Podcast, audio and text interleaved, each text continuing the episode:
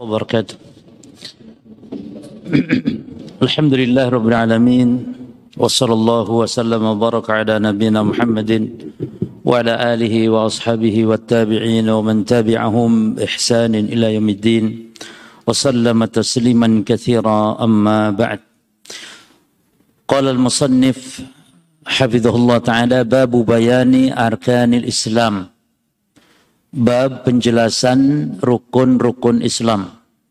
Al-hadithu as-sadis, hadis yang keenam. An Ibn Umar radhiyallahu anhuma. Dari Abdullah bin Umar semoga Allah meridhoinya. Qala dia berkata, qala Rasulullah sallallahu alaihi wasallam Rasulullah SAW bersabda bunyal islamu ala khamsin.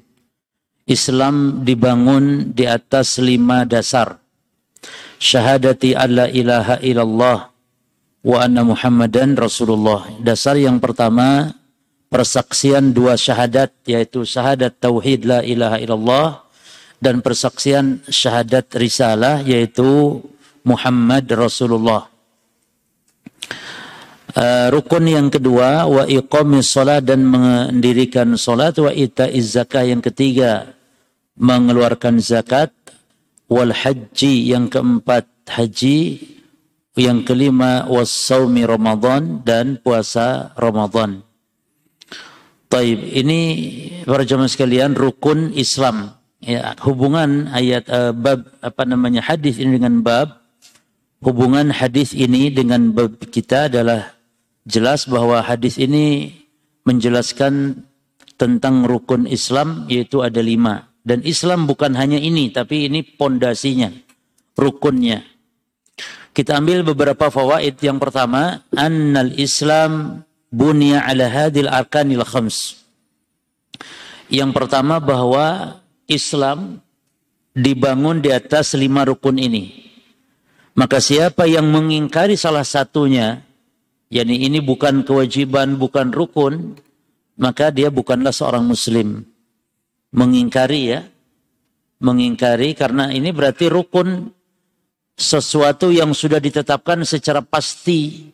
Kalau ada yang mengingkari salah satunya saja misalnya mengatakan tidak wajib haji tidak wajib puasa Ramadan tidak wajib zakat tidak wajib apalagi sholat lebih berat lagi maka batal Islamnya. Ya hukumnya orang itu batal Islamnya. Taib rukun Islam ini ada dua bagian dua bagian. Yang lima ini dibagi dua jemaah. Yang pertama ruknun asasi. Yang pertama rukun yang dasar. Ini dasar yang paling dasar istilahnya. Rukun asasi yaitu syahadat dan solat.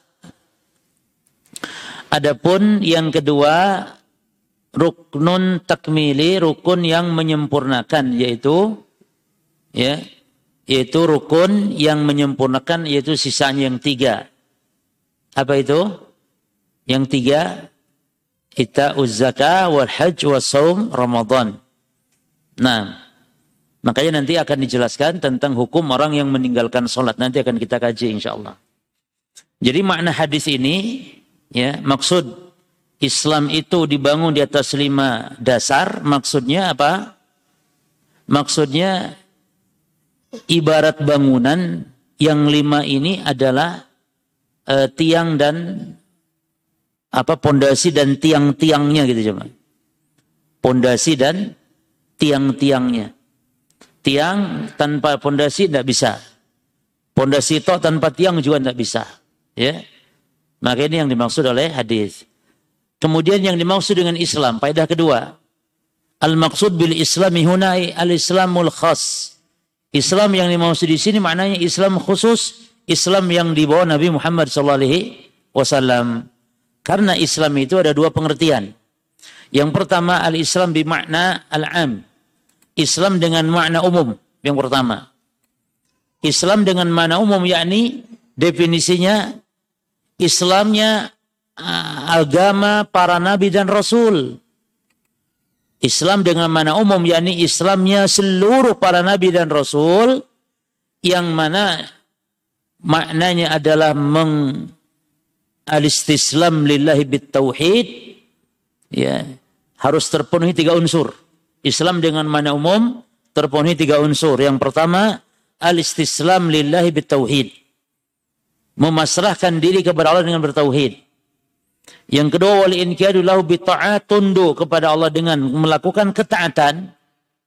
Dan tidak cukup itu, harus yang ketiga, wal bara'atu minasyirki wa ahlihi dan berlepas diri dari kesyirikan dan pelakunya. Jadi harus mentauhidkan Allah. Yang kedua tunduk dengan melakukan perintah-perintah menjauhi larangan. Ini konsekuensinya. Dan yang ketiga harus berlepas diri. Ya, maka ada istilah wala barok. Ini bagian dari akidah cuma. Orang Islam yang tidak tidak nyembah berhala ya, tidak nyembah. Dia hanya nyembah Allah saja. Tapi tidak membenci kesyirikan. Tidak mengingkari. Ya dia tidak disebut sebagai orang Islam. Ya, walaupun dia nyembah kepada Allah saja, tapi tidak hatinya tidak ada kebencian kepada sesembahan-sembahan selain Allah. Apalagi mengatakan sesembahan selain Allah juga nggak masalah, bisa-bisa saja, benar-benar saja. Ya kita toleran, hormati saja, tidak masalah. Lah ngomong tidak masalah, tidak ada rasa bencinya, maka ini bukan seorang Muslim. Dalil-dalil yang menunjukkan Islam secara umum cuma banyak. Satu Ali Imran ayat 28 ayat 83 ayat 67 ya. Dan juga ayat surah Al-Hajj ayat yang ke-78. Ini semua ayat-ayat yang menunjukkan Islam itu dengan makna umum Islam para nabi dan rasul. Bahkan Islam dengan makna umum juga adalah makna bisa Islam seluruh makhluk. Ya, dengan makna umum. Yani semua yang ada di langit di bumi semuanya aslama Semuanya berislam dengan mana umum. Ya. Taib. Allah Ta'ala berfirman, Walahu aslama man fis samawati wal ard. Hanya kepada Allah semua yang ada di langit, di bumi, mereka pasrah. Ya. Tau'an wa karha, baik secara sukarela atau dipaksa, pasrah semuanya. Ini Islam dengan makna yang lebih umum lagi jemaah. Berarti Islam itu berarti kita bagi tiga. Islam berupa syariat ada dua, umum dan khusus.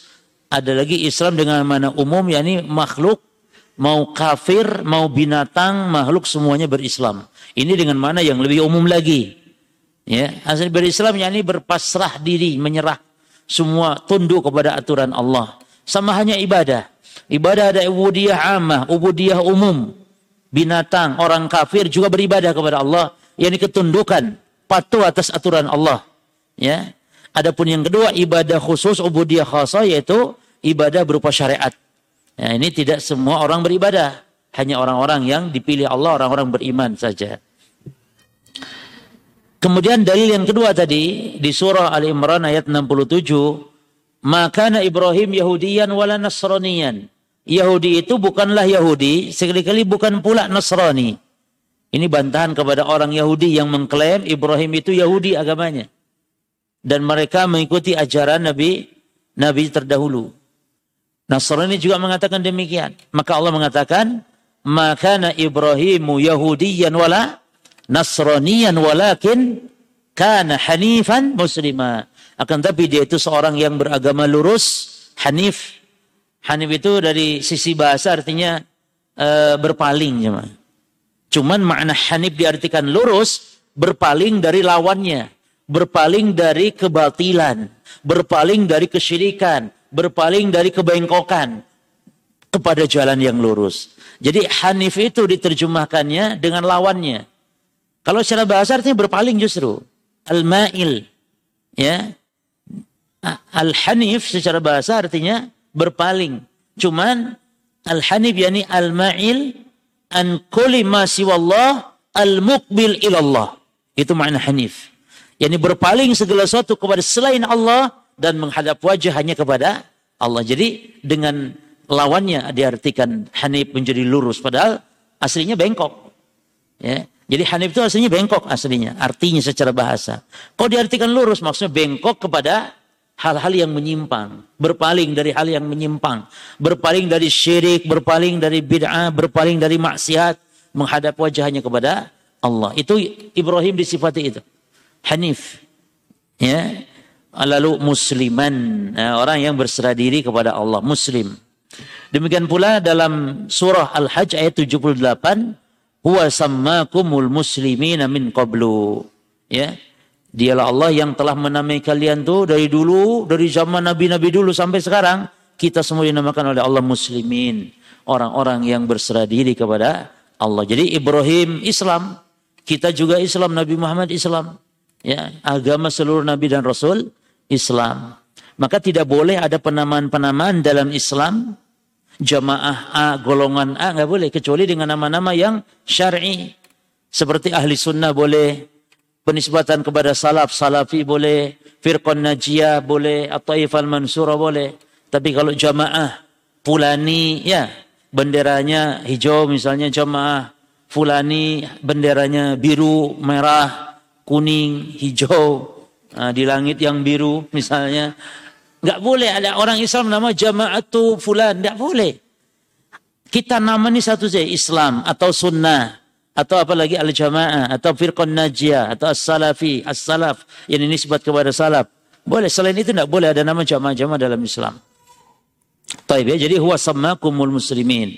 Dialah Allah yang telah menamai kalian dengan Islam. Jadi Islam di sini Islam umum. Ya. Apa arti Islam secara umum tadi? Al-istislam tiga ya. Al-istislam billah bit tauhid, yang kedua wal inqiyadu lahu bit ta'ah, yang ketiga wal bara'atu minasyirki wa ahlihi. Yang kedua dan ini yang dimaksud dalam hadis kita yang sedang kita kaji, bunyal islamu ala ala khamsin. Islam dibangun di atas lima. Ah, yang kedua, makna Islam bermakna al-khas, Islam dengan makna yang khusus yakni huwa alladhi ba'atha bihi Muhammadun SAW. Ini Islam yang dibawa Nabi Muhammad. Maka kalau dengan ini perbandingannya berarti Islam yang dibawa Muhammad SAW ada perbedaan dengan Islam yang umum. Di mana kalau Islam yang umum sudah tidak lagi berlaku. Cuma Islam yang dulu sudah tidak lagi berlaku. Walaupun asli dari Allah. Tidak lagi berlaku. Sudah expire walaupun asli. Tapi Islam yang harus sekarang berlaku di muka bumi sampai hari kiamat adalah Islam yang dibawa Nabi Muhammad. Terus yang kedua, perbedaan dari sisi syariatnya. Walaupun pada dasarnya sama. Dasarnya sama. Perbedaan dari sisi syariatnya. Oleh karena itu, kita dalam mensikapi ya syariat-syariat terdahulu itu ada tiga golongan. Atau ada tiga bagian. Yang pertama, para jemaah. Jadi kita membenarkan berita dari agama lainnya, dari agama Yahudi, Nasrani, dari ahli kitab dahulu, itu juga sikapnya tiga. Yang pertama, kita membenarkan kalau memang berita-beritanya syariat ajarannya sesuai dengan syariat kita. Kita membenarkannya. Kalau memang sesuai. Dan juga kita boleh-boleh saja mengamalkan syariat kalau memang di syariat kita juga ada contoh puasa Daud misalnya. Itu kan puasanya Nabi Daud dulu. Tapi kita juga boleh karena syarat kita juga menetapkan puasa Daud. Bahkan seutama-utama puasa, puasa da, Daud. Yang kedua jemaah, yang jelas-jelas bertentangan. Semua syariat, semua berita bertentangan dengan syariat kita, maka kita wajib untuk menolak dan meninggalkan. Contoh misalnya, di syariat dulu sujud itu kepada makhluk sebagai bentuk penghormatan, itu boleh. Bahkan kawin, mengawini dua perempuan saudara sekaligus ya, itu boleh di zaman dulu. Seperti syariatnya Nabi Yakub. Jadi Nabi Yakub itu istrinya adik kakak dia. Dalam Islam istri adik kakak nggak boleh sekaligus ya. Kecuali kalau cerai dulu misalnya atau di atau mati dulu kakaknya baru kita kawini lagi adiknya misalnya. Nah, ini dibolehkan. Tapi memadukan sekaligus perempuan dengan bibinya atau perempuan dengan saudaranya tidak boleh. Syariat kita tidak boleh. Syariat dulu boleh. Nah, jadi ada perbedaan. Kalau bertentangan maka kita tinggalkan, tidak boleh mengamalkan. Berita-berita bertentangan, ya, maka kita wajib menolak.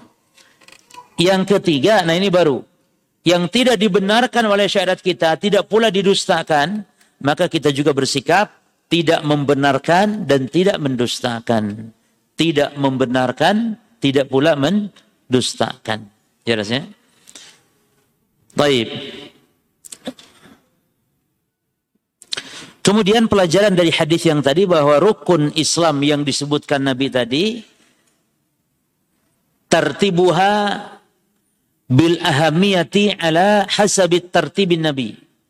Urutannya itu sesuai dengan masalah urgensinya, urutannya sesuai yang diurutkan oleh Nabi. Nomor satu apa tadi? Salat apa zakat? Nomor satu. Urutannya nomor satu apa tadi? Salat apa zakat? Aja mah. Syahadat. Jangan terpancing yang nanya, yang nanya gelundung, yang menggelundungkan. Jadi urutan pertama syahadat. Enggak boleh urutan pertama jadi sholat atau jadi zakat, jadi puasa anda. Hanya saja ada dua lafad berkait tadi, yaitu antara haji dan puasa Ramadan. Sebagian lafad seperti dalam kitab kita ini, lafad yang didahulukan adalah yang urutan keempat itu haji ke Baitullah. Bukan puasa Ramadan. Dalam hadis-hadis yang lain puasa Ramadan. Ini tidak masalah jemaah. Yang penting urutan satu, kedua, dan ketiga demikian. Makanya dalam hadis Mu'ad bin Jabal ketika Nabi utus Mu'ad untuk berangkat ke Yaman, maka Nabi hanya menyebut syahadat, puasa, lalu apa lagi? Hah? Zakat. Selesai. Adapun yang ini makanya yang tiga empat ini eh, empat lima ini tidak masalah. Mau no urutan keempat haji boleh, urutan keempat yakni puasa juga boleh. Hanya urutan satu dua tiga itu adalah urutan yang paten, ya boleh dirubah. Jadi nomor dua jangan zakat, nomor dua salat. Karena kewajiban yang paling wajib ya setelah syahadat adalah salat. Baik. Berarti hadis tadi menunjukkan bahwa rukun yang paling urgen adalah dua kalimat syahadat atau asyhadatan atau asyhadatain. Ya, maka disebut dua kalimat syahadat. Taib. Apa makna syahadat tauhid la ilaha illallah. Sering kita bahas di kitab tauhid la ma'budu bihaqqin illallah itu maknanya. Tidak ada sesembahan yang benar. Adapun yang tidak benar banyak, tapi yang benar nggak ada. Cuman satu yaitu Allah. Adapun sesembahan tok tanpa ngomong benar itu banyak.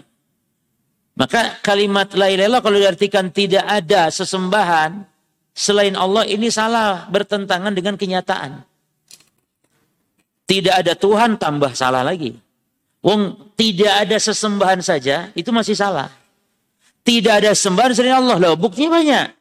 Nyiroro Kidul juga sembahan. Kok dikatakan tidak ada? Ada sesembahan selain Allah. Ada. Maka masih kurang tepat kalau ngomong tidak ada sembahan selain Allah. Yang benar tidak ada sembahan yang hak. Tidak ada sembahan yang hak. Adapun yang batil banyak, yang hak tidak ada. Ilallah cuma satu. Jelas ya? Apalagi tidak ada Tuhan, tambah nemen salah ya. Um, Tuhan banyak, Tuhan-Tuhan banyak selain Allah. Maka la ma'buda bihaqqin atau la ma'buda haqqun ilallah. Tidak ada sesembahan yang benar yang diibadahi yang hak kecuali hanya Allah. Adapun syahadat risalah, syahadat Muhammad Rasulullah maknanya adalah Maknanya cuma merealisasikan empat hal maknanya. Merealisasikan empat hal. Satu, ta'atuhu fima amar. Mentaati perintah Nabi. Maka orang yang ngomong syahadat wa asyhadu anna Rasul tapi empat ini enggak di enggak diwujudkan, enggak direalisasikan, maka berarti syahadatnya tidak benar itu. Apa yang empat ini? Satu, ta'atuhu fima amar. Mentaati beliau, Rasul, semua perintahnya. Satu. Yang kedua, tasdikuhu, sebenarnya tasdikuhu nomor satu, tidak apa-apa. Yang penting empat ini ada. Yang kedua, tasdikuhu fima akhbar. Membenarkan apa yang dikabarkan. Walaupun tidak masuk akal. Tidak masalah. Yang penting berita Nabi pasti benar. Kalau kata Nabi, umat Islam akan pecah belah menjadi sekian golongan 72 yang sesatnya. Yang benar satu. Jadi semuanya tujuh tiga yang benar satu. Berarti umat Islam wajib, bukan wajib, ini pasti berpecah belah. Kalau tidak ada perpecahan, berarti berita Nabi ini bohong. Dan itu mustahil. Nabi berdosa itu mustahil. Coba. Ya. Jadi apa yang diberitakan Nabi, wajib kita membenarkan. Tasdiquhu bima akhbar. Yang ketiga, wajtinabu ma anhu menjauhi semua yang dilarang oleh Nabi. Semua yang dilarang. Menjauhi. Yang diperintah semua apa lakukan. Apa yang diperintah? Contoh Nabi suruh kita panjangkan jenggot. Ini perintah. Maka orang yang memanjangkan jenggot dalam rangka ini berarti telah mewujudkan syahadat Muhammad Rasulullah. Ya. Yang dilarang Nabi ditinggalkan. Berita-beritanya dibenarkan. Tinggal satu. Yaitu apa yang satu ini? Wa alla ya'budallah illa bima tidak beribadah kecuali dengan yang disyaratkan oleh Nabi. Sehingga setiap ibadah kita apa pun bentuknya, ibadah-ibadah kita harus ada dasar. Apakah Nabi mencontohkan baik dengan lisannya memerintahkan atau perbuatan beliau atau perbuatan para sahabatnya. Ya. Nah, banyak di antara kita kaum muslimin saudara kita yang ibadahnya itu dalilnya nomor sekian yang penting ibadah si dulu melo-melo orang dulu ya ikut-ikutan masalah dalil nanti nomor sekian. Jadi kalau ahli sunnah dalam penetapan kaidah-kaidah itu dalil dulu, baru tetapkan kesimpulan kaidah. Lalu amalkan. Kalau mereka tidak membuat kaidah dulu. Kaidah dibuat sesuai dengan hawa nafsu, nanti ketika ditanya dalilnya, dicari-cari dalil yang pas buat kaidah mereka. Ya. Kalau kita tidak dari dari dalil itu kita dapat sebuah kaidah dari dalil. Ya. Kemudian seseorang tidak akan disebut masuk Islam kecuali dengan pintu dua kalimat syahadat. Makanya Nabi ber, memerintahkan kepada Muad bin Jabal, "Inna kata di kauman minal kitab." Engkau akan mendatangi kaum ahli kitab, maka fad'uhum ila syahadati alla ilaha illallah. Maka serulah mereka kepada syahadat la ilaha illallah wa anni Rasulullah dan aku adalah Rasulullah. Ya. Bahkan la ilaha illallah itu adalah jemaah awal wajibin wa akhir wajibin. La ilaha illallah kata para ulama, la ilaha illallah itu awal wajib dan akhir wajib. Kalau akhir wajib apa jemaah? Awal wajib itu orang kalau mau masuk Islam baca la ilaha illallah dulu. Baca dua kalimat syahadat. Ini bagi orang yang di luar Islam mau masuk Islam. Kalau antum dari kecil kan antum tidak pernah syahadat. Maka ada sebagian aliran ya, aliran sesat itu katanya harus syahadat lagi di hadapan amir, imam imamnya dia, imamnya versi mereka. Syahadat lagi, kalau tidak syahadat berarti tidak sah Islamnya. Jadi Islam yang benar itu kalau ada syahadat ulang ke imamnya. Dibaiat dengan baiat. Dan janji harus total untuk totalitas setia kepada imam. Ya, lalu ujung-ujungnya membuat negara. Katanya negara Islam. Jadi membuat negara di atas negara. Ya. Jadi kehidupan kalau belum bayat ke dia, semuanya masih kafir-kafir semua ini. Itulah aliran-aliran khawarij, sekte-sekte dari khawarij. Dan ahli bidah itu bersekte-sekte. Khawarij itu banyak sektenya. Ya, banyak sektenya khawarij. Puluhan. Rata-rata 20, 20, 20 sekte rata-rata kata para ulama. Khawarij 20, Mu'tazilah 20. Ya, sekte-sekte mereka. Baik. Akhir wajib orang mati juga harus mengucap dianjurkan untuk mengucap la ilaha illallah lakin mautakum la ilaha illallah fa man kana akhiru kalami la ilaha dakhala jannah itu arti daripada tauhid la ilaha illallah itu adalah awal wajib wa akhir wajib kalau mau mati kata Nabi talkinkan orang yang hampir mati. Ya mau takum di situ bukan mati tapi hampir mati mau mati. Dari praktek Nabi dalilnya. Nabi kan prakteknya gitu kepada Abu Talib. Praktek Rasul kan begitu. Yang kedua praktek Rasul kepada orang Yahudi. Orang Yahudi. Lihat, rata-rata Nabi mentalkin juga praktekan kepada orang kafir. Maka kita juga demikian jemaah. Kalau ada orang kafir mau mati, kita talkin supaya dia mengucap kalimat la ilaha illallah saja. Cukup la ilaha illallah saja. Padahal dia kan kafir jemaah ya. Apa enggak perlu Muhammad Rasulullah? Enggak perlu. Kalau dia orang mau mati, mau muslim mau kafir cukup dengan kalimat tauhid la ilaha illallah sudah mencukupi.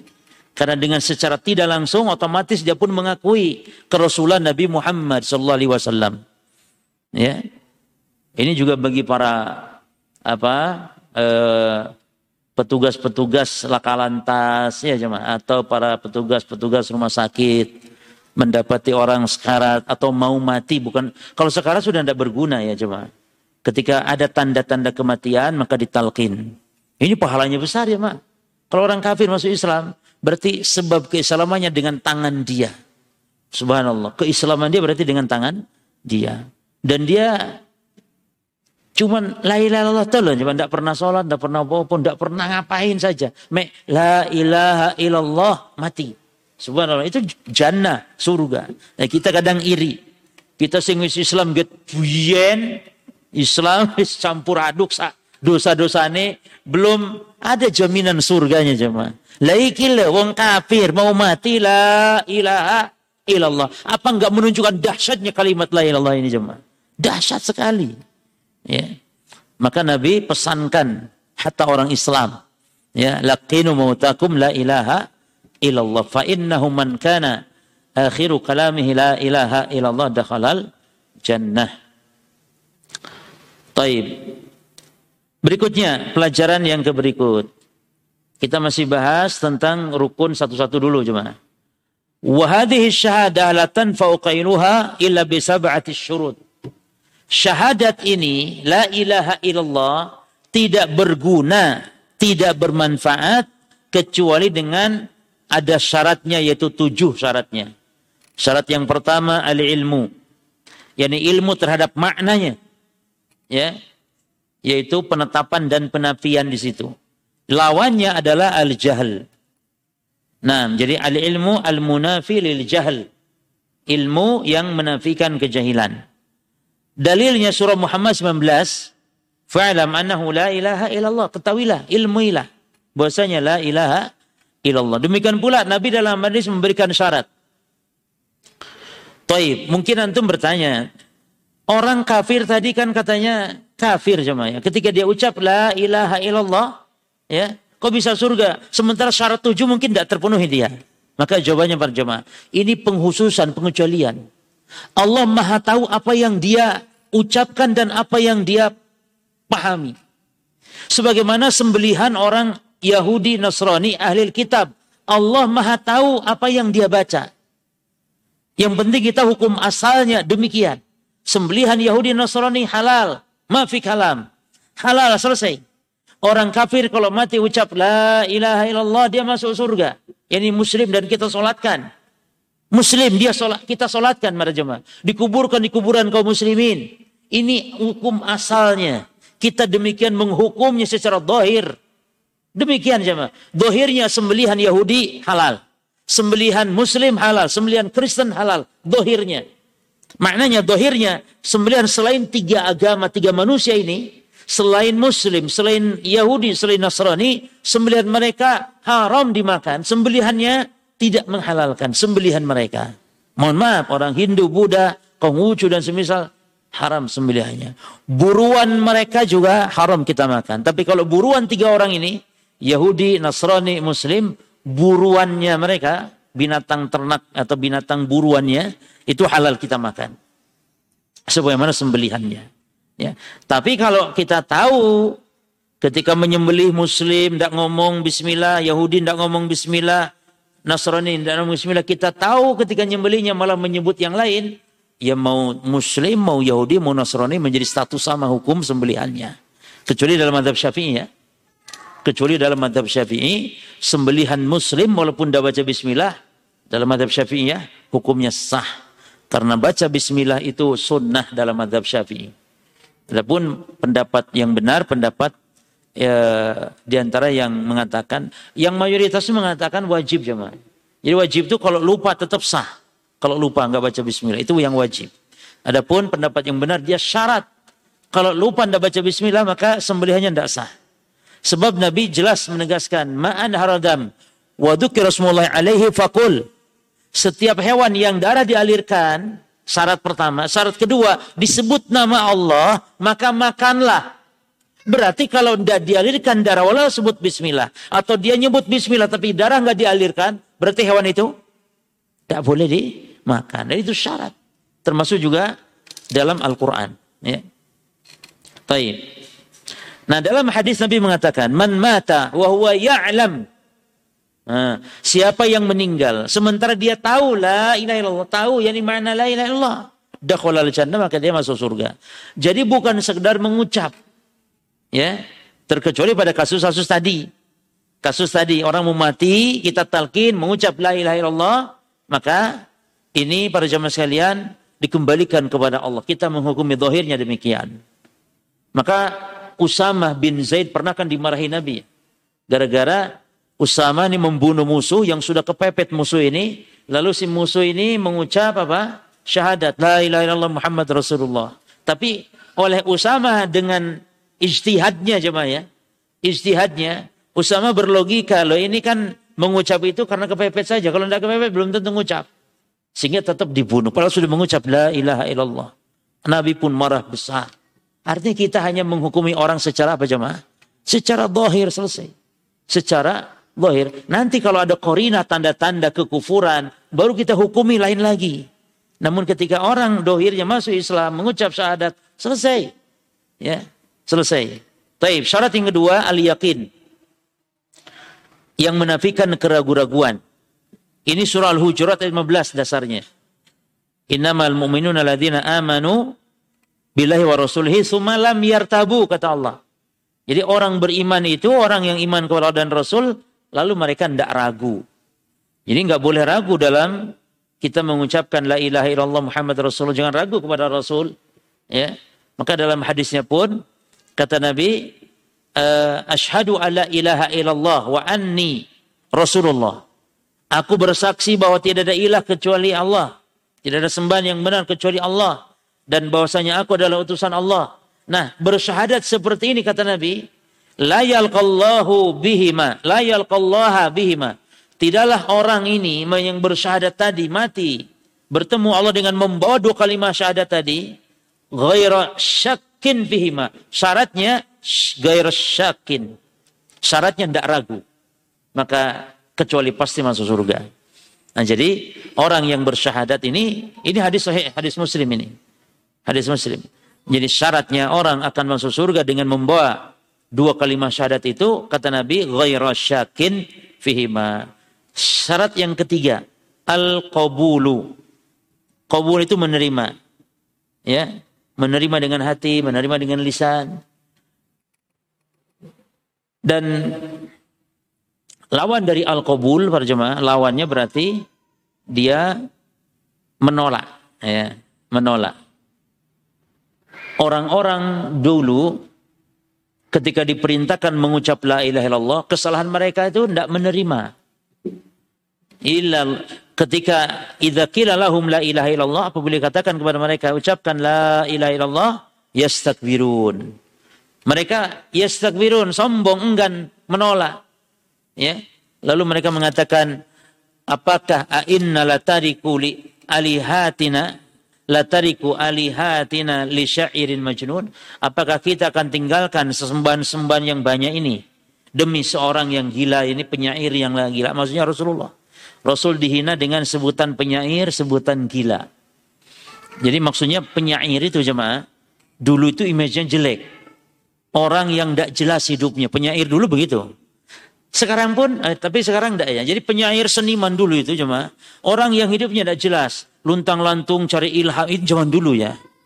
Zaman dulu, dulu sekali di zaman mereka kalangan bangsa Arab, namanya penyair itu hidupnya tidak jelas, hina. Ini mereka keliling cari ilham, cari apa?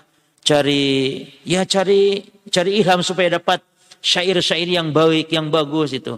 Rambutnya kusut, gondrong, tidak jelas, tidak terawat itu penyair dulu.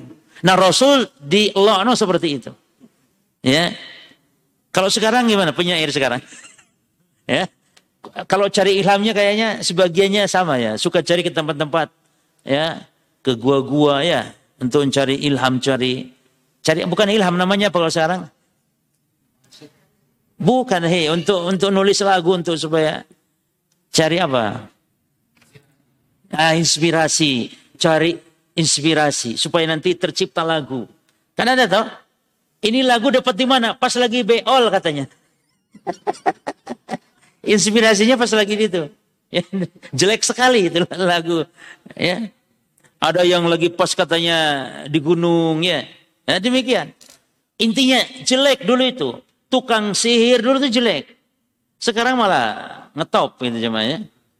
Tukang sihir sekarang disebut orang pintar dalam tanda kutip. Giliran dia sakit ke dokter cuma. Dukun kan itu tukang sihir itu. Giliran orang bodoh ber, berobat ke dia. Lalu dia bodoh-bodohin. Giliran dia yang sakit malah ke ke dokter di infus. Nah ini kebalik. Maka yang bodoh ini yang mana nih jemaah? Taib. Kemudian Nabi digelari majnun. Nah, orang gila. Waliyadzubillah. Nah ini mereka yakni menolak. Menolak. Maka wajib kita syarat la ilaha adalah al-qabul. Menerima. Syarat yang keempat al-inqiyad. Artinya tunduk. Tunduk lawannya meninggalkan. Meninggalkan. Taib dalam surah Zumar ayat 54 ya. Wa anibu lillah wa anibu ila rabbikum wa aslimu lah. Dan kembalilah ya kepada Allah, kepada Rabbmu dan wa aslimu berserah dirilah, tunduklah. Maka nanti orang yang al-inqiyad ini mesti melakukan ketaatan. Ini syarat jemaah. Maka tadi Islam yang benar itu Islam al-inqiyadu lahu ta'ah tunduk dengan melakukan ketaatan. Tidak sah Islam seorang yang dia cuma syahadat saja tapi tidak pernah sholat seumur umur, tidak pernah puasa seumur umur. Ya, berarti dia tidak inkiat tapi dia atar meninggalkan. Ya, demikian pula dalam surah An-Nisa ayat 65 dalilnya. Adapun kalau dari hadis Nabi mengatakan ini hadis diperselisihkan tentang masalah uh, keabsahan dari sisi sanad tapi maknanya benar. Kata Nabi SAW, La yuminu hadukum hatta yakuna hawahu taba'an lima jitu bihi. Tidak sempurna iman seorang kalian sehingga hawa nafsunya mengikuti apa yang aku bawa. Ya, ini tunduk yani kepada apa namanya ajaran kepada syariat. Yang kelima asidku jujur men, men, yang menafikan kedustaan, yani lawannya dusta. Ini banyak ayatnya di Quran. Surah Taubah ayat 8 ya sampai ayat 9. Ya. Disebutkan kata Allah, "Wa minan nasi man yaqulu amana billahi bil yawmil akhir wa ma hum bimumin yukhadi'un Allah waladina amanu." Ya. Ini Al-Baqarah ayat 8 sampai ayat 9. Kalau di dalam ayat yang lain juga ada tentang masalah wajibnya kita membenarkan Adapun kalau di dalam hadis itu Nabi sallallahu alaihi wasallam menyebutkan tentang syarat ini. Kata Nabi, "Mamin ahadin yashhadu alla ilaha illallah." Tidaklah seorang pun bersaksi la ilaha illallah Muhammad Rasulullah sidqan min qalbihi. Sidqan min qalbihi. Jujur dalam hatinya. Jujur dari hatinya. Apa kata Nabi? Illa kecuali haramallahu ala ala nar. Kecuali Allah haramkan atas neraka.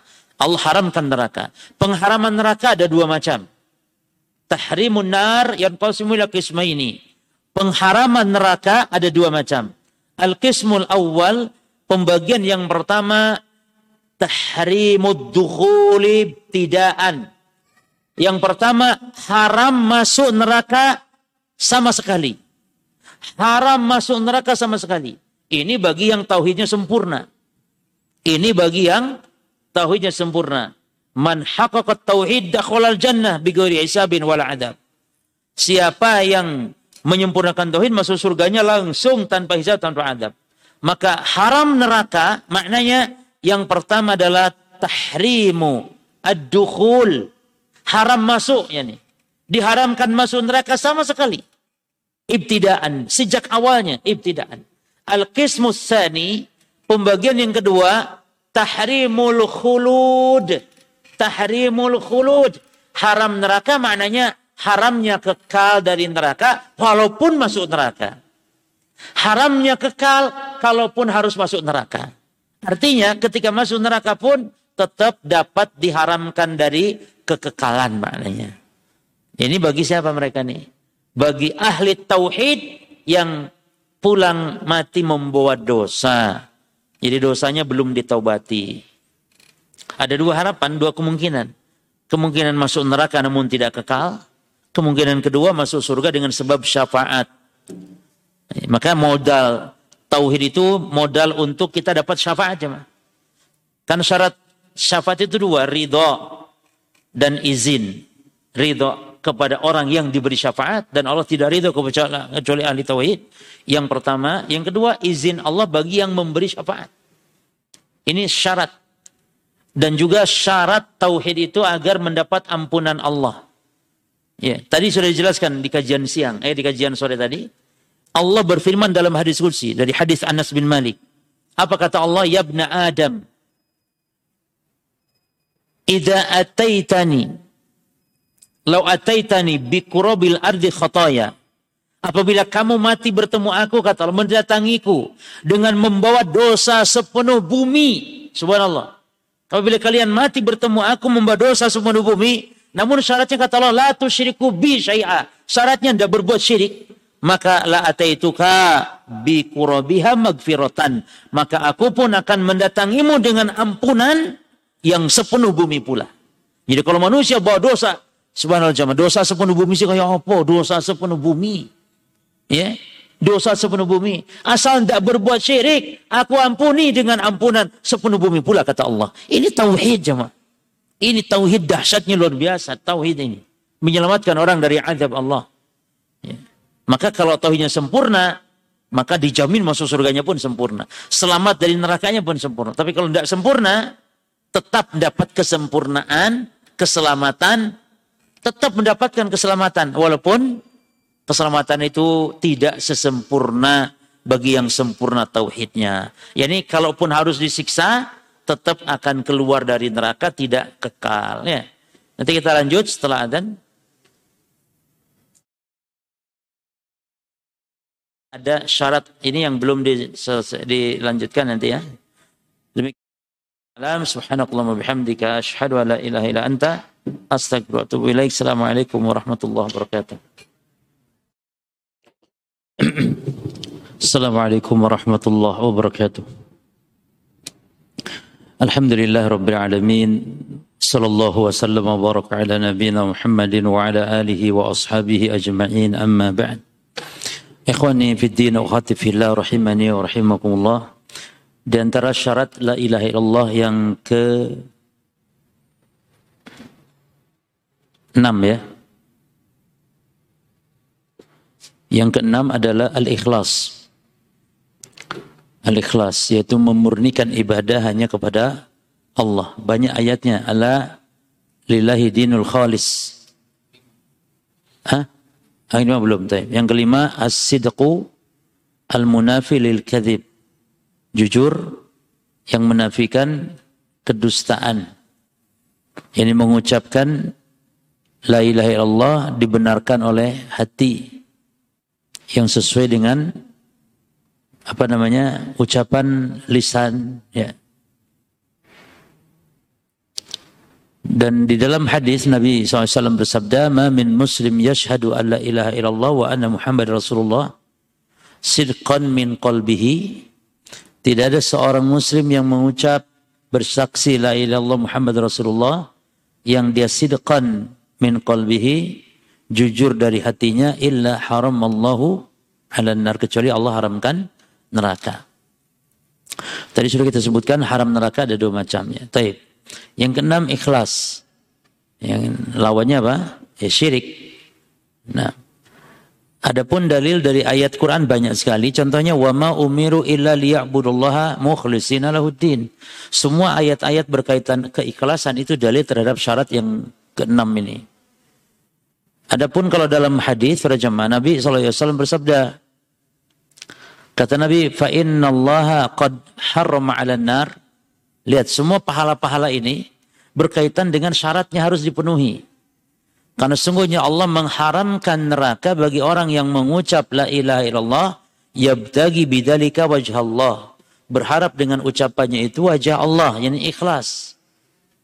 Maka akan berlaku pahala yang dijanjikan kalau terpenuhi syarat. Ya.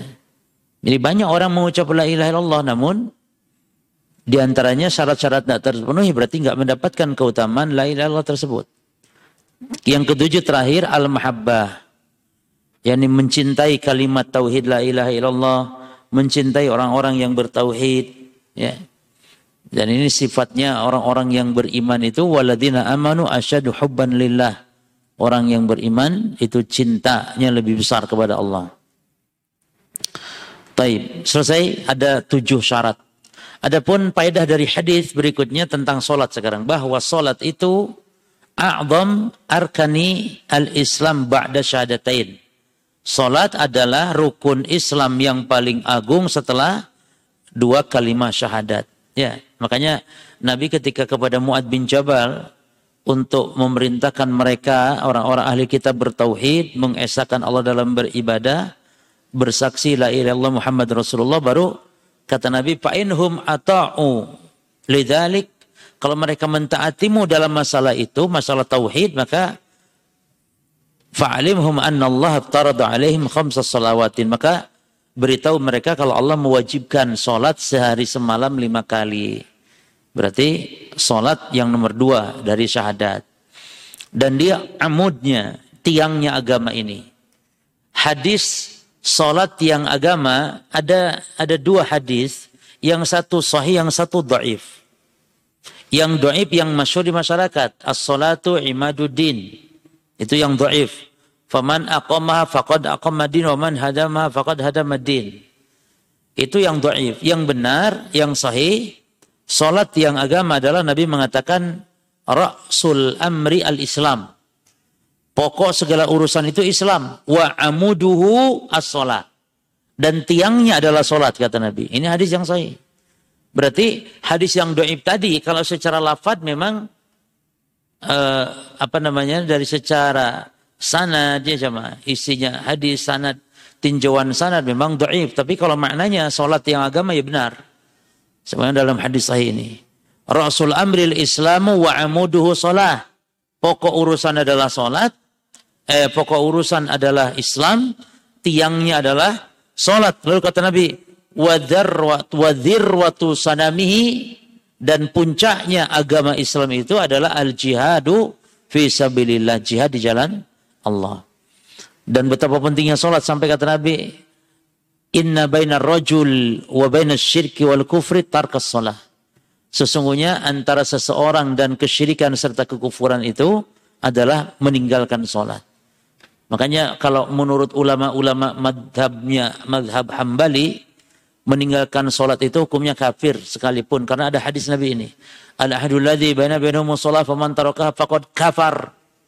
Yang membedakan kita dengan mereka ahli kitab, mereka orang-orang kafir adalah solatnya.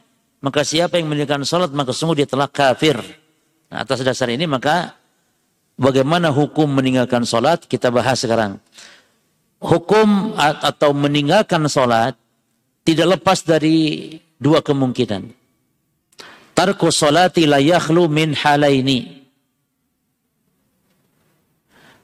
meninggalkan sholat tidak lepas dari dua keadaan. Al-halatul ula, keadaan yang pertama, tarikus sholat juhudan liwujubiha. Yang pertama meninggalkan sholat karena mengingkari kewajiban sholat. Maka ini jelas, ijma sepakat ulama kalau hukumnya kafir. Karena berarti mendustakan ayat-ayat Quran yang memerintahkan sholat. Kondisi kedua, meninggalkan sholat karena malas. Nah ini ada dua pendapat ulama. Pendapat pertama kafir kata madhab hambali. Ini malas sholat, tidak sholat sekali sholat aja kafir dalam madhab hambali. Ini juga dipegang oleh pendapatnya para sahabat banyak, para tabiin. Dan tadinya Sa'id bin Jubair, imamnya tabiin, Sya'bi, Imam Abdullah bin Mubarak. Karena hadis-hadis tadi, bainar rajuli wasyirki wal kufri tarka sholat. Yang membedakan seorang dengan kesyirikan adalah meninggalkan sholat dengan kekufuran adalah meninggalkan salat. Demikian pula hadis Nabi tadi al ahdul ladzi baina bainahum shalah faman taraka faqad kafar. Yang membedakan kita dengan mereka kafir, orang-orang kafir adalah salat. Siapa yang meninggalkannya maka dia kafir. Ya. Apalagi kata Abdullah bin Syaqiq, Abdullah bin Syaqiq dia mengatakan, "Kana ashabu Muhammad sallallahu alaihi wasallam la yarawna syai'an minal amal tarkuhu kufrun ghairu salah. Para sahabat Nabi Muhammad tidak pernah memandang sesuatu yang kalau ditinggalkan dihukumi kafir selain sholat. Tidak memandang suatu amalan yang ditinggalkan bisa dikafirkan kecuali sholat. Jadi hadis ini sahih riwayat Imam. Jadi atas persaksian Abdullah bin Syaqiq dan juga yang lain-lain, ya, madhab Hambali berkesimpulan meninggalkan sholat sekali saja berarti kafir. Adapun pendapat yang kedua, ini madhab mayoritas para ulama madhab Hanafi, madhab Maliki, sebagian juga madhab Syafi'i bahwa meninggalkan sholat kalau masih meyakini sholat itu wajib hanya mungkin karena terdorong hawa nafsunya, terdorong karena sifat malasnya sehingga dia tidak sholat maka tidak sampai kafir. Dasarnya apa? Satu ayat Al-Quran. An-Nisa 48. Allah hanya mengampuni dosa. Eh, Allah tidak mengampuni dosa syirik. Berarti dosa selain di bawah kesyirikannya nih. Termasuk sholat berarti di diampuni tidak berarti. Ada harapan diampuni. Inna Allah la yagfiru an yushraka bihi wa yagfiru maduna dzalika liman yasha. Ada lagi hadis yang lebih spesifik. Disebutkan tegas di situ. Khamsu salawatin kata Nabi. Dari Ubadah bin As-Samit. Lima solat yang lima waktu ya. Lima, solat yang lima waktu. Kata bahun Allah yang Allah wajibkan alal ibadi kepada para hamba. Lalu Nabi mengatakan, Faman jabihinna. Maka siapa yang menunaikannya lam yudayyi' minhunna syai'an.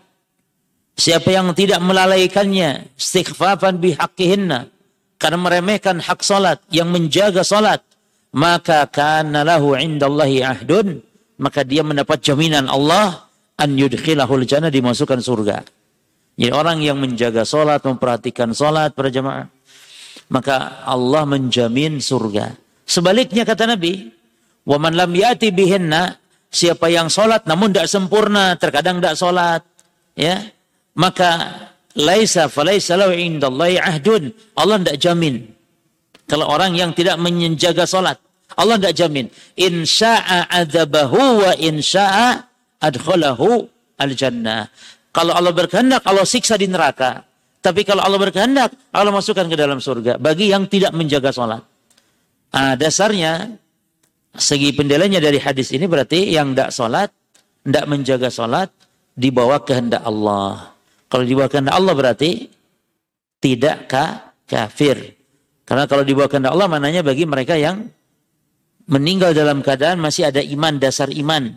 Tidak kafir. Kalau kafir enggak dibawa kehendak Allah. Yani antara surga, masuk surga atau diampuni atau masuk neraka. Tapi yang kafir jelas masuk neraka pasti. Nah, dan ini berat para jemaah. Konsekuensinya kalau dalam madhab hambali ya, dan para ulama kita, para ulama seperti Syekh Ibn Utsaimin, Syekh bin Baz, ya, ulama-ulama yang bermadhab hambali memang berpendapat demikian. Kafir orang yang tidak sholat sekali. Dan memang khilafnya mu'tabar. Jadi khilaf dalam masalah ini mu'tabar. Orang yang meninggalkan sholat karena malas. Ini khilaf mu'tabar dihukumi kafir atau tidak. Khilaf itu ada dua macam secara global cuma ya. Khilaf itu ada dua macam secara global. Satu khilafut tanawwu' khilaf tanawwu' khilaf yang ber, beragam yaitu khilafun la yunafi ba'du ya la yunafi ba'dan yakni adanya perbedaan namun tidak saling menafikan dan khilaf tanawu ini semuanya semuanya benar maka boleh memilih itu khilaf tanawu apa contoh khilaf tanawu tata cara ibadah tertentu. Tata cara ibadah. Tata cara zikir tertentu. Contoh misalnya, sholat khauf itu ada beberapa macam. Boleh kita pilih semuanya benar. Zikir, istiftah itu sampai 16 macam. Boleh kita pilih yang mana, semuanya benar. Demikian azkar ba'da salawat. Zikir setelah sholat lima waktu, banyak. Boleh baca semua dan boleh dipilih. Itu khilaf tanawu. Atau khilaf tanawu contoh dalam menafsirkan ayat-ayat Quran. Ketika ada beberapa penafsiran yang semuanya benar, maka boleh dipakai semuanya. Dan itu kaidahnya dalam ilmu tafsir. Ini khilaf tanawu namanya. Yang kedua, khilaf itu khilaf tadad atau khilaf tudad. Tudad. Yani, dad akhirnya dal tudad, artinya saling kontradiksi. Nah khilaf yang tudad ini ada dua hukum. Satu yang mu'tabar. Boleh. Karena demikian juga terjadi di zaman Rasulullah. Para sahabat ada beda pendapat. Tapi Nabi SAW yakni memaafkan. Walaupun tetap yang benar cuma satu. Seperti Nabi perintahkan sahabat untuk pergi ke Bani Quraidah Yahudi untuk mengepung mereka. Lalu Nabi pesannya apa? Ja, kalian tidak sholat asar kecuali di Bani Quraidah. Maka sahabat yang berangkat itu ada dua pendapat memahami sabda Nabi ini. Ya. Tidaklah kalian la tusallul asr ila fi Bani Quraidah. Kalian tidak sholat asar kecuali di Bani Quraidah. Satu pendapat dari sahabat yang dia memahami berarti harus sholat asar di Bani Quraidah walaupun terlambat. Ya kan gitu. Karena Nabi seolah-olah jangan sholat asar kecuali di Bani Quraidah.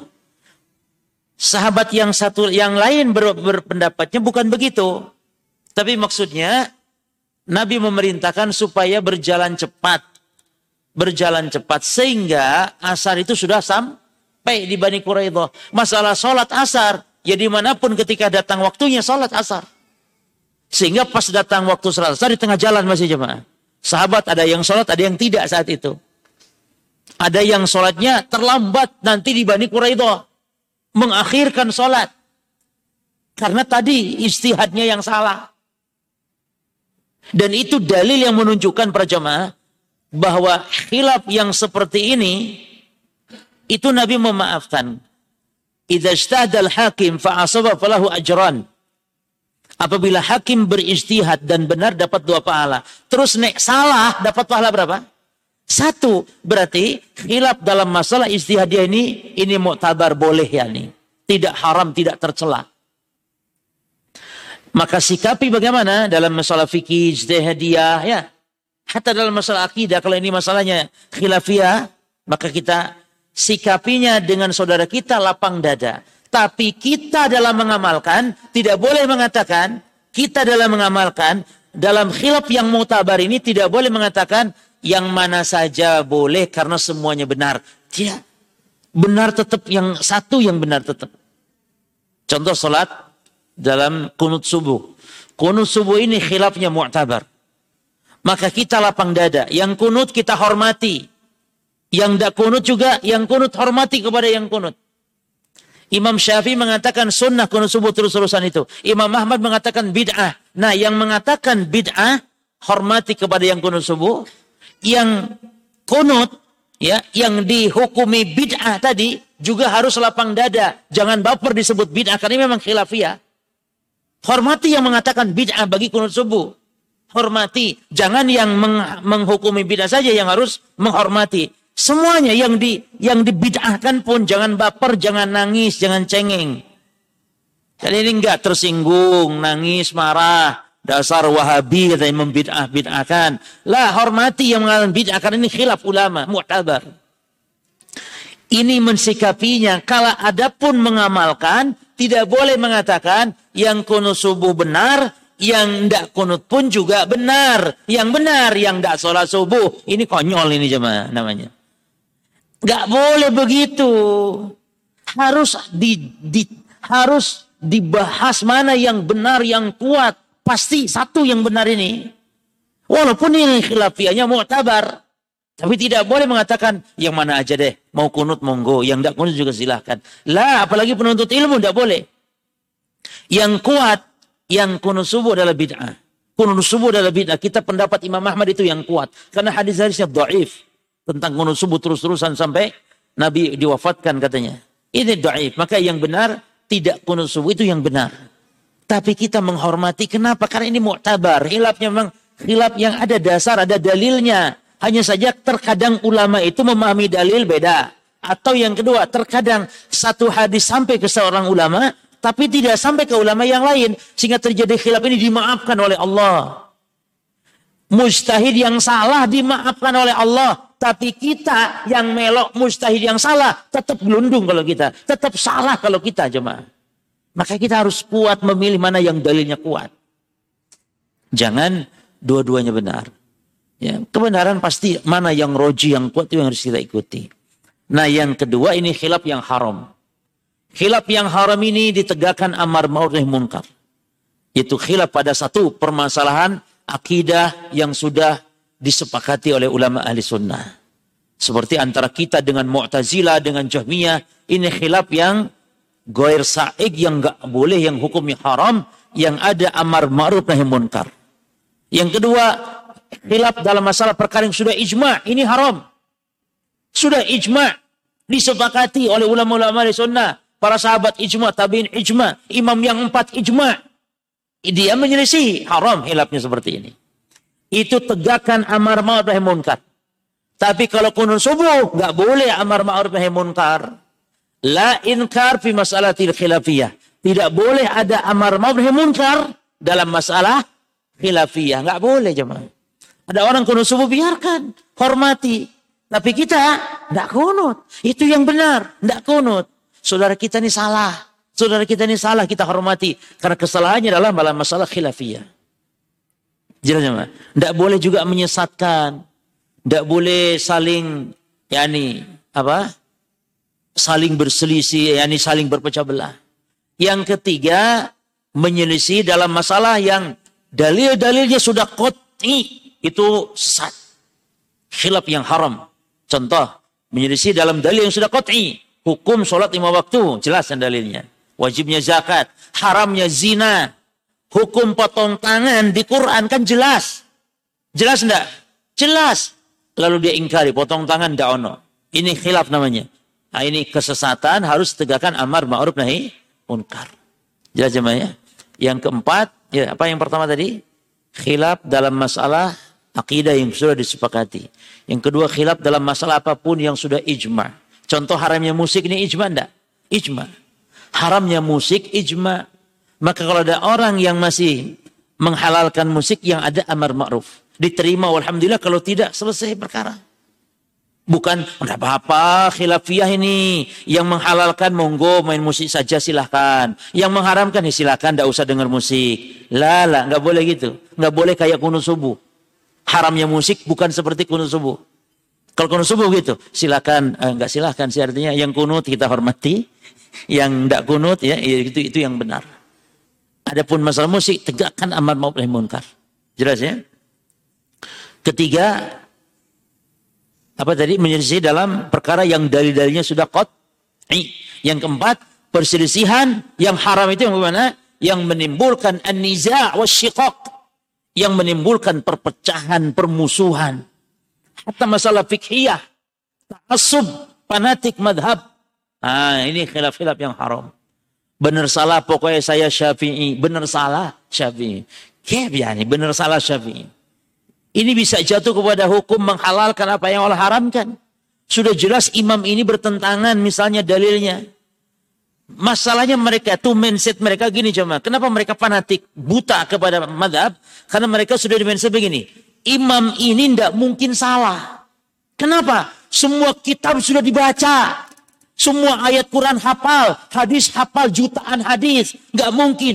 Kitabnya ribuan, ngajinya puluhan tahun. Nggak mungkin salah. Ini loh yang membuat mereka ta'asub fanatik buta kepada madhab. Kok bisa begitu jemaah? Hatta sekelas sahabat loh jemaah. Sahabat ini mana yang bisa ngalahkan ilmunya sahabat? Wong gurunya aja Rasul. Itu Umar bin Khattab. Ada banyak masalah yang Umar ndak ngerti. Pada Umar itu senior. Ketika mau ke Syam, di Syam dengar ada wabah. Ada ta'un. Umar di tengah jalan musyawarah karena bingung. Sekat, di musyawarah muhajirin ansor loh coba. Umar bingung. Coba, sekelas Umar loh. Ada wabah di suatu negeri. Lalu dianya masih di luar. Sekelas Umar bin Khattab masih bingung. Bagaimana dengan di bawah Umar gitu cuma. Lalu musyawarahlah. Sebagian berpendapat, ayo kita pulang. Jangan ke Syam, nggak jadi karena ada wabah. Kata sebagian dulu, nggak boleh kita kok takut mati. Masa takut COVID? Ada sekarang juga takut COVID.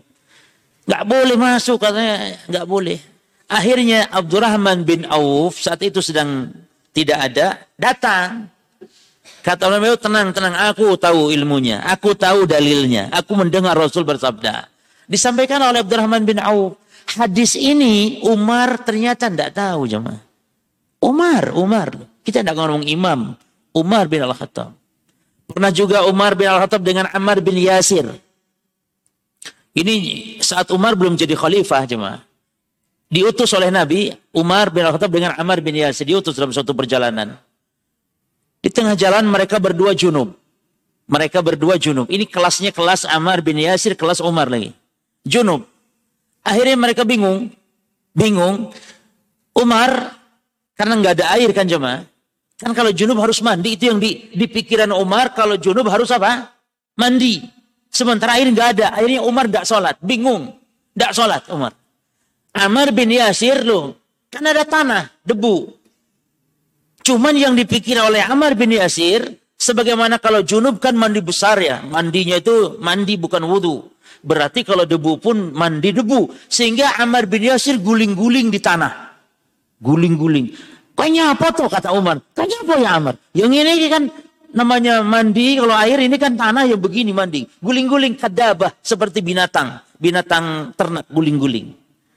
Akhirnya pulang ke Madinah, lapor kepada Rasul, ya Rasulullah kami terjadi kasus seperti ini. Lalu Nabi tersenyum, kata Nabi, padahal cukup bagimu untuk tayamum hakada, kata Nabi. Cukup tayamum. Junub loh, iya cukup tayamum. Jadi Umar ya salah, terus Amr bin Yasir juga sah, salah. Nah, jemaah sekalian, Nabi sudah wafat di zaman Khalifah Umar, di zaman Khalifah Umar, coba. Itu Amar bin Yasir seolah memberikan fatwa kepada para sahabat yang lain saat itu. Ya ini kalau memang junub, nggak ada air, tayamum. Lalu Umar tahu kedengaran. Amar bin Yasir, apa-apaan kamu? Ittaqillah, takutlah kamu kepada Allah. Orang junub kok nggak disuruh mandi? Kenapa orang junub nggak mandi? Gitu ya. Cukup tayamum, maka Ammar bin Yasir, wahai Amirul Mu'min. Sekarang manggilnya bukan ya Umar lagi. Dulu, dulu waktu dia guling-guling, manggilnya Umar, masih koncoan. Saiki panggilnya, ya Amirul Mu'minin. Apa ndak ingat dulu aku guling-guling? Aku dulu guling-guling, kau ndak sholat dulu. Di itu saudara Rasul, aku guling-guling. Apa kata Umar? Kapan itu katanya? Kapan itu katanya? Coba Allah jemaah. Umar aja tuh bisa lupa dalil, bisa lupa hadis padahal dulu kasusnya dia yang ini bisa terjadi kepada Umar, apalagi kepada imam, apalagi kepada ulama, apalagi kiai. Jadi tidak boleh ber, berkeyakinan kiai ulama itu semuanya sudah dibaca kitab. Jangan ya, nggak boleh. Haram bahkan. Berarti seolah-olah maksum ya ini. Nggak mungkin salah imam madhab ini. Nggak boleh begitu. Jelas ya? Ini bagus sekali kisah-kisah ini. Imam atau Syekh Al-Alamah Muhammad bin Shalih Al-Utsaimin rahimahullah beliau ceritakan di kitab beliau namanya Al-Khilaf Bainal Ulama Asbabuhu wa Mauqifu Al-Mauqifu minhu. Yani khilaf ulama apa sebabnya dan bagaimana sikap kita. Nah, ini beliau bahas adalah sikap terhadap khilaf-khilaf yang sifatnya khilaf yang mu'tabar. Jelas sama ya? Khilaf yang mu'tabar. Taib. Terus ada istilah ini jemaat, talfik namanya. Talfik ini perlu kita sampaikan. Talfik artinya sebuah istilah yang dimunculkan oleh ulama-ulama Syafi'iyah mutaakhirin. Sebagaimana disebutkan oleh Imam Nawawi dalam Raudatul Talibin. Jadi talfik adalah istilah di dalam ilmu fikih lah ya yang dimunculkan oleh ulama-ulama syafi'iyah mutaakhirin. Jadi kalau dulu nggak mengenal apa itu talfiq. Lalu apa istilah talfiq ini artinya apa? Talfiq itu jemaah menggunakan semua madhab, memilih semua madhab dalam satu hukum atau satu amalan ibadah. Yani dia sholat pakai takbirnya atau dalam wudhu lah ya.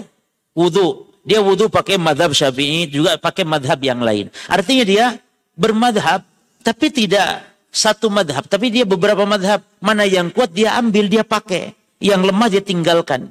Itu talfik. Nah, ulama-ulama mutakhir dari syafi'iyah mencela talfik. Ini tidak boleh talfik itu. Ini manusia itu harus bermadhab dengan satu madhab. Gak boleh ada variatif madhab, tidak boleh. Maka ini jemaah adalah pendapat yang salah. Yang benar, talfik itu boleh. Bahkan itulah yang terbaik supaya orang tidak fanatik. Justru melarang talfik adalah dalam rangka untuk apa? Mengikat orang kepada satu madhab tertentu. Justru boleh jemaah. Karena kita yang benar justru dalam bermadhab benar mana yang kuat itu yang kita pakai, mana yang lemah maka itu yang kita tinggalkan. Bukan benar salah pokoknya saya madhab fulan. Benar salah pokoknya saya madhab ini, madhab itu. Itu fanatik, ta'asub. Itulah yang menjadikan madhab sebagai din. Jadi talfik itu boleh. Ya, boleh. Maka dalam contoh cuma kirim bacaan Al-Fatihah untuk mayit sampai tidak sampai. Menurut madhab Hambali justru itu yang sampai.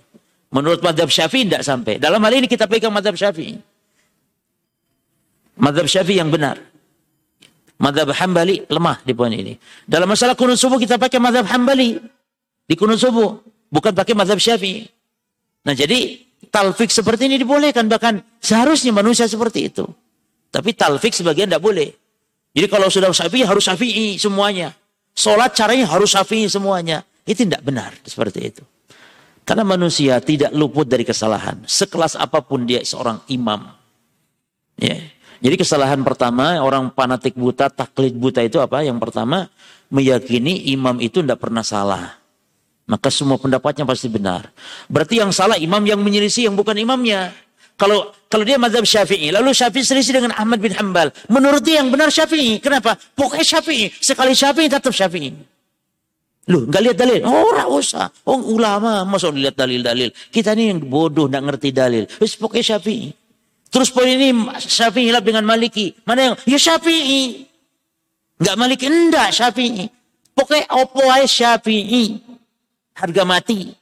Kayak NKRI harga mati. Syafi'i harga mati. Kayak gitu bermata. Terus yang kedua meyakini semua imam-imam itu katanya imam itu sudah membaca seluruh Quran, hadis, kitab-kitab, menguasai seluruh. Jadi ujung-ujungnya sama. Maka kalau kita katakan Imam Abu Hanifah hadis tidak sampai, ya, tapi kepada Imam Syafi'i sampai. Ini yang bermadzhab Hambali tidak enak digituin. Masa Abu Hanifah tidak tahu hadis? Mestinya tahu. Loh, kok bisa Pak? Mestinya tahu. Kan imam. Masa imam tidak tahu hadis? Berarti pendapat ini yang dipegang oleh Imam Hanifah bukan masalah hadisnya tidak sampai, bukan tidak tahu hadisnya, tapi itu memang yang di yang dianggap benar oleh Imam Abu Hanifah, bukan tidak sampai hadis. Padahal jemaah hadisnya memang tidak sampai. Jadi Imam Hanifah pun seandainya ternyata ada hadisnya, beliau akan rujuk. Cuman pengikutnya sudah kadung baper duluan. Sehingga dibela mati-matian. Eh, taib. Si akeh ya jemaah telulas ya. Si Ya wis kita selesaikan sedikit saja. Berarti kesimpulannya dalam masalah meninggalkan sholat karena malas itu madhab jumhur. Ya, insya Allah yang kuat madhab jumhur dengan dasar dalil-dalil tadi. Cuman percuma kalau ndak sholatnya itu walaupun malas ya. Ndak sholatnya ya terus-terusan seumur hidup. Lebih banyak ndak sholatnya daripada sholatnya. Ya juga kita lebih selamat untuk kita katakan ya orang seperti itu ndak muslim lagi. Ya, seumur umur ndak sholat. Ada ndak di kampung jenengan? Banyak yang gitu tuh. Nggak, orang datang Ramadan tidak pernah puasa ya. Ada cuman ikut hari raya tok. Karena juga pakai baju baru itu aja. Ingin ingin ingin pakai baju baru tok sholat itu tuh. Puasa tidak pernah, sholat tidak pernah, opo tidak pernah, kerja pagi pulang malam tidak pernah apa-apa pokoknya. Tidak pernah baca Quran, tidak iso macamnya ya. Masa muslim kayak mana mana? Ibadah mek tahunan itu pun karena ya karena ingin pakai baju baru saja. Nah, ini musibah. Ya ini kata Syekh Ibnu Saimin ini. Jadi Syekh Ibnu Saimin rahimahullah taala juga beliau mengatakan kafir memang tapi kafirnya itu kata beliau kalau lebih banyak tidak sholatnya. Ya, kalau orang masih bolong-bolong tapi lebih banyak sholatnya, kan ini kebanyakan kaum muslimin yang normal ya. Normal ya begitulah jemaah. Yang normal itu awam yang sejelek-jelek muslim ya masih sholat lah walaupun bolong-bolong. Tapi nek lebih banyak tidak sholatnya, Apalagi sholat me. Apa tahunan tok. Jumatan aja tidak pernah Jumatan jemaah. Karena kerja, kerja Jumatan. Ya kadang seumur umur ya berapa kali lah Jumatan itu. Atau mungkin satu bulan ya sekali. Apalagi kerjanya memang dituntut untuk kerja pegang untuk tidak sholat Jumat. Misalnya pegang mesin tidak sholat Jumat tambah parah. Maka kalau menurut Syekh Utsaimin rahimahullah taala jadi kalau lebih banyak tidak sholatnya itu yang maksud kafir. Tapi kalau sholatnya uh, sedikit saja yang bolong ya. Mungkin sehari itu tidak sholat sekali saja. Yang empatnya sholat ya. Kemudian kalau Ramadan juga puasa tapi kadang-kadang bolong juga. Ini ya orang-orang musibah kayak gini nih. Bukan kita menggampangkan enggak. Cuman itu tidak dikafirkan. Ya, hanya dihukumi pelaku dosa besar. Ya, orang tidak sholat itu dosa besar. Besar dosanya. Tapi sebagaimana dalam hadis-hadis. Ini kaitannya puasa dan haji, jemaah. Insya Allah kita lanjut. Ya. Cukup sampai di sini insya Allah kita masuk ada hadis akan kita perdalam pada hadis Jibril. Hadis tentang iman, Islam, iman dan ihsan maratibuddin tingkatan agama. Ya. Allah taala alam ini yang bisa saya sampaikan mudah-mudahan bermanfaat. Oh ya para jamaah sekalian, ada ilmu dari Syekh Ibnu Syekh Saleh bin Al-Usaimi. Syekh Saleh Abdullah bin Al-Usaimi sekarang masih bukan Usaimin bukan ya. Syekh Usaimi beliau ketika menjelaskan tentang bagaimana cara menghitung zikir. Al-aqd aqid nabil anamil. Bagaimana cara menghitung zikir? Al-aqd itu cuma dari luar ke dalam begini. Subhanallah, subhanallah, subhanallah, subhanallah. Dan dengan tangan kanan ya. Kemudian begini. Atau biasa kita jari begini. Subhanallah, subhanallah, subhanallah. Yang salah itu al-hal bukan lawan dari al-akad. Al-hal melepas bukan mengikat tapi melepas. Apa itu al-hal? Begini. Subhanallah, subhanallah, subhanallah. Nah ini namanya al-hal. Al-akad itu sebaliknya begini. Nah, jadi ngitung boleh boleh begini, ya boleh apa tadi di seperti biasa kita ya. Seperti biasanya gini, boleh juga yang tadi. Subhanallah, subhanallah, subhanallah. Ya, dan harus dihitung betul-betul cuma. Subhanallah berapa? Subhanallah, ya subhanallah. Kok ngitung duit loh cuma? Hitung duit kan nggak pernah ini. Serius, khusyuk. Kalau ngitung duit khusyuk, masya Allah. Khusyuk. Tapi kalau ngitung zikir, sub sub sub sub sub sub sambil ngobrol juga nanti piro mau ngalah berapa ki mau Akhirnya dikira-kira balik lagi, subhanallah lagi. Nah, dihitung. Jadi begitu caranya akad ke dalam, ya, gini. Ibu-ibu dilihat nanti, gini. Ya, bukan dilepas dibuka, ini namanya melepas al-hal, melepas. Tapi Nabi perintahkan al-akad akid nabil anamil begini. Allah taala alam. Subhanakallahumma bihamdika asyhadu an la ilaha illa anta ilaik. Assalamualaikum warahmatullahi wabarakatuh.